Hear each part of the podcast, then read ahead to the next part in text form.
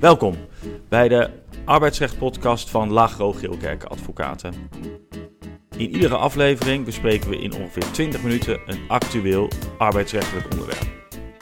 Mijn naam is Gerard Zuidgeest, samen met mij Annemiek Varkenvisser. Annemiek, waar gaan we het deze keer over hebben? Vandaag gaan we het hebben over het eenzijdig wijzigen van de arbeidsvoorwaarden. Ja, wijziging van arbeidsvoorwaarden is een onderwerp dat we uh, in de achterliggende coronatijd ook wel veel hebben gezien. Uh, hè, kunnen we als werkgever onder een bonus uit, kunnen we de arbeidsvoorwaarden versoberen.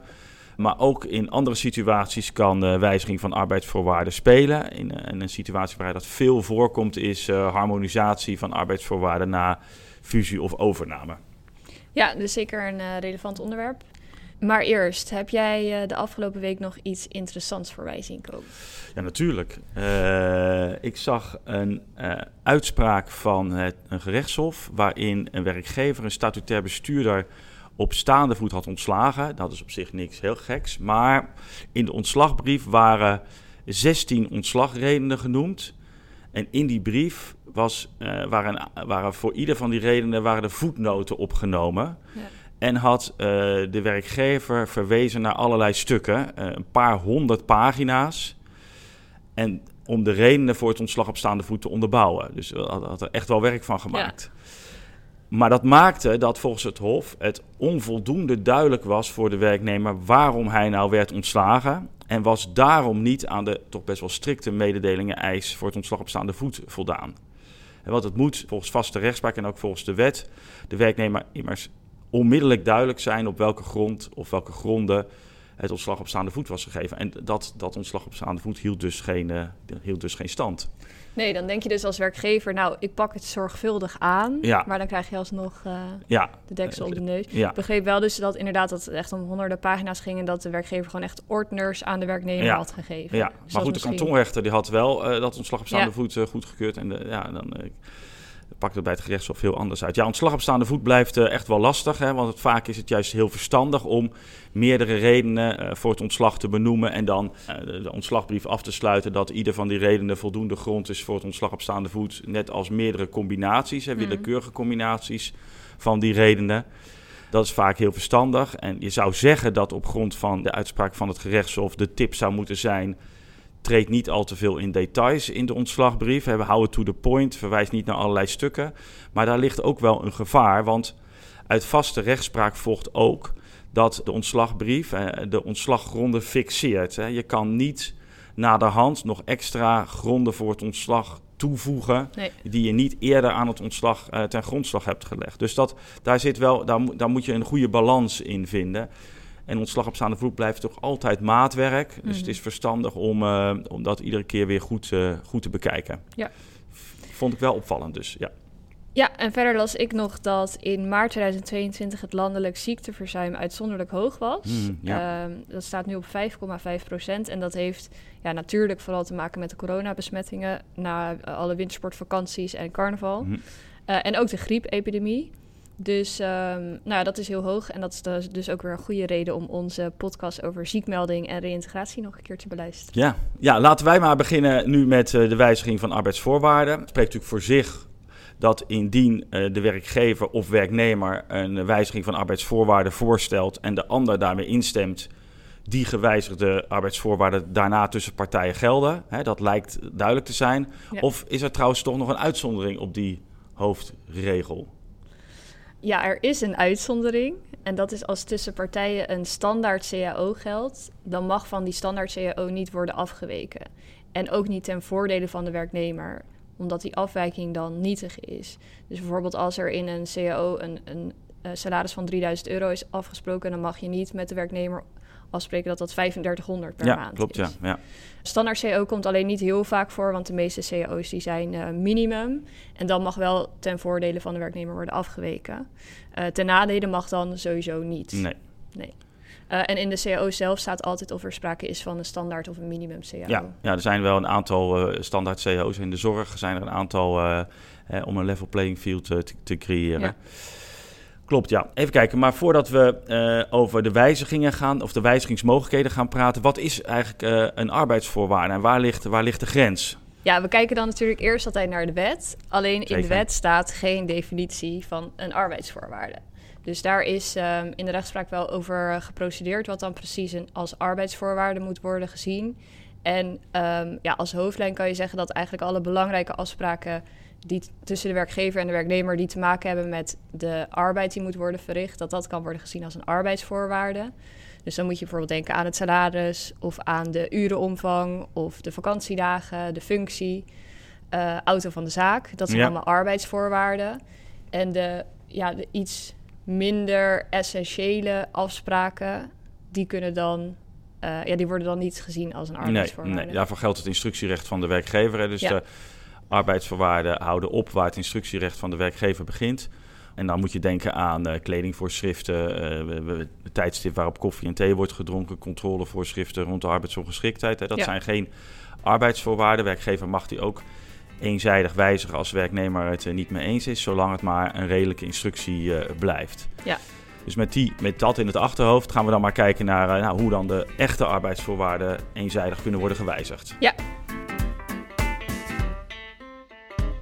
Ja, uh, dus zoals we net al bespraken, als natuurlijk een werknemer instemt met uh, de wijzigingswens van de werkgever, dan is tenzij standaard CAO uh, de wijziging mogelijk, aanbod en ervaring. Maar wat nou als werknemer niet instemt? Welke mogelijkheden heeft de werkgever dan?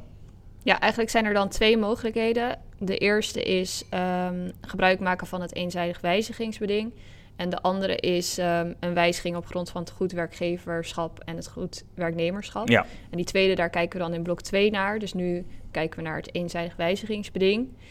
Um, nou ja, een eenzijdig wijzigingsbeding moet in de arbeidsovereenkomst of bijvoorbeeld in een personeelshandboek, maar in ieder geval schrift, schriftelijk worden overeengekomen. Um, en dan ja, want als de, misschien, uh, dat is open deur denken, maar als er geen eenzijdig wijzigingsbeding in de arbeidsovereenkomst of in het personeelsreglement of iets dergelijks is opgenomen, dan heeft de werkgever de mogelijkheid die we nu gaan bespreken nooit. Nee. Dan kan daar geen, geen beroep op worden gedaan. Nee, precies. Dus het is wel handig om dat wijzigingsbeding in de arbeidsovereenkomsten op te nemen. Ja. Ja, en op basis van zo'n eenzijdig wijzigingsbeding kan de werkgever de arbeidsvoorwaarden eenzijdig wijzigen als hij daarvoor een zwaarwichtig belang heeft. En in dat, dat kader moet dan een belangenafweging worden gemaakt uh, tussen de belangen van ja, dat zwaarwichtige belang van de werkgever bij de wijziging en de, belang, de belangen van de werknemer bij de handhaving van die arbeidsvoorwaarden. Ja. Ja, en uit de wet en rechtspraak volgt dat dit voor werkgevers echt wel een strenge toets ja. is, een hoge lat. Uh, wat je veel ziet in rechtspraak is uh, procedures als er sprake is van bedrijfseconomische problemen bij werkgever. Mm -hmm. En dan stelt werkgever dat die uh, bedrijfseconomische moeilijkheden moeten leiden tot een versobering van arbeidsvoorwaarden.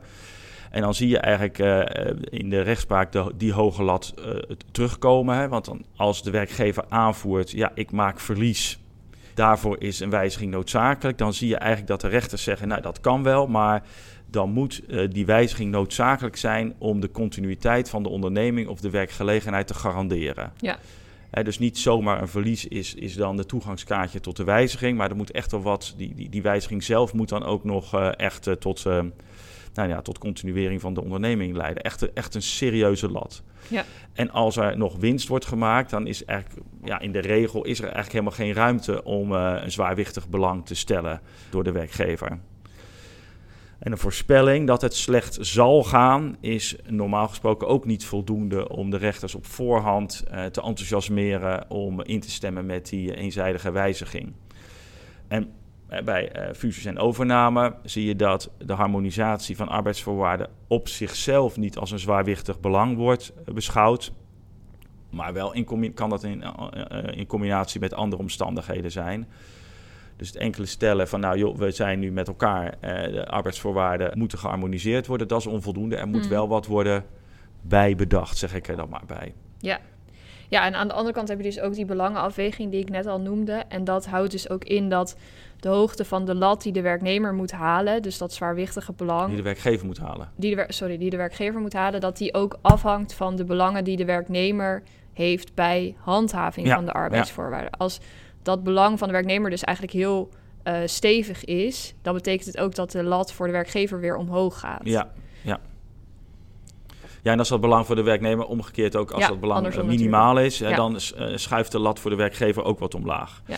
En dan, dan naar de praktijk. Hè, en dan, eh, als je dan, eh, we hebben natuurlijk een legio corona-uitspraken gezien. Uh, dan zie je werkgevers die proberen salarisverlagingen door te voeren. Omdat omzetten of winsten sterk onder druk stonden. En in de rechtspraak zie je eigenlijk dat dat nooit scoort. Het salaris is een zo belangrijke arbeidsvoorwaarde mhm. voor de werknemer. soms flirte een rechter wel eens met de mogelijkheid tot salarisverlaging. Werd de deur wel eens op een kiertje gezet. Maar in de concrete toetsing uh, van het specifieke belang van de werkgever ten opzichte van dat van de werknemer, pakte dat eigenlijk altijd uh, in het nadeel van de werknemer of van, van de werkgever uit. Wat je wel uh, vaak ziet en wat meer kans van slagen heeft, is de wijziging van een arbeidsvoorwaarde met een afbouwregeling of, ja. of met een compensatieregeling. En dat maakt die wijziging al snel minder ingrijpend en wordt dan eerder aan die ja, belangenafweging toets voldaan. Denk bijvoorbeeld aan een compensatieregeling bij de afbouw van een ploegentoeslag. Daarin zie je nog wel eens uh, ruimte in de rechtspraak ontstaan. Ja, daar hebben we ook, uh, daarover hebben we ook een uh, recente uitspraak. En dat geeft dan ook iets meer handen en voeten bij die belangenafweging.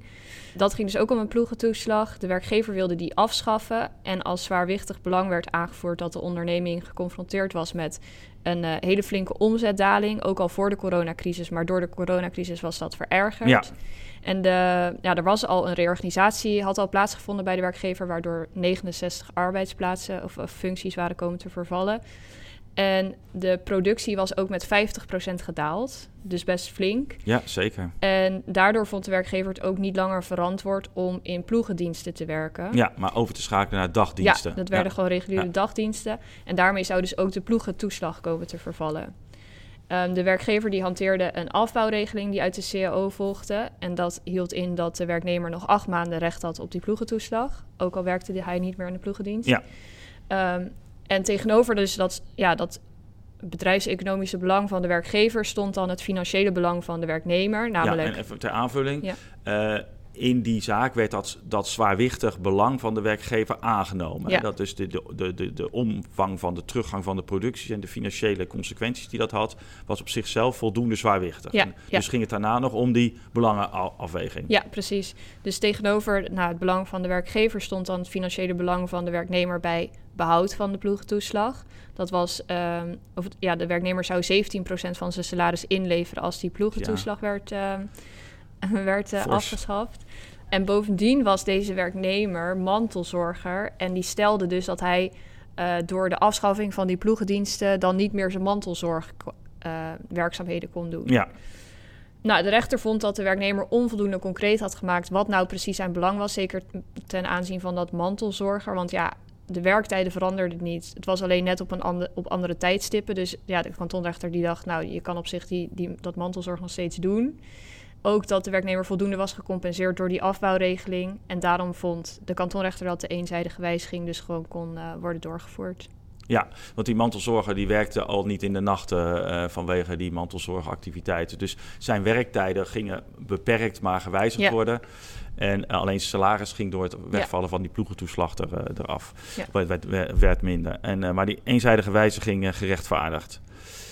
Ja, dus wel kansen af en toe. Misschien ook goed om te melden, hè, afhankelijk van de grootte van de onderneming is, is het verstandig de ondernemingsraad te betrekken in zo'n traject, een wijzigingstraject, als werkgever vertrouwen heeft dat uh, de, uh, de, ondernemingsraad positief zal reageren. Natuurlijk moet de ondernemingsraad worden betrokken als er sprake is van wijzigingen die vallen onder het bereik van artikel 27 van de WOR. Maar ook als de beoogde uh, wijziging, versobering van de arbeidsvoorwaarden niet onder dat bereik van dat wetsartikel valt, kan het zeer verstandig zijn om de ondernemingsraad te betrekken.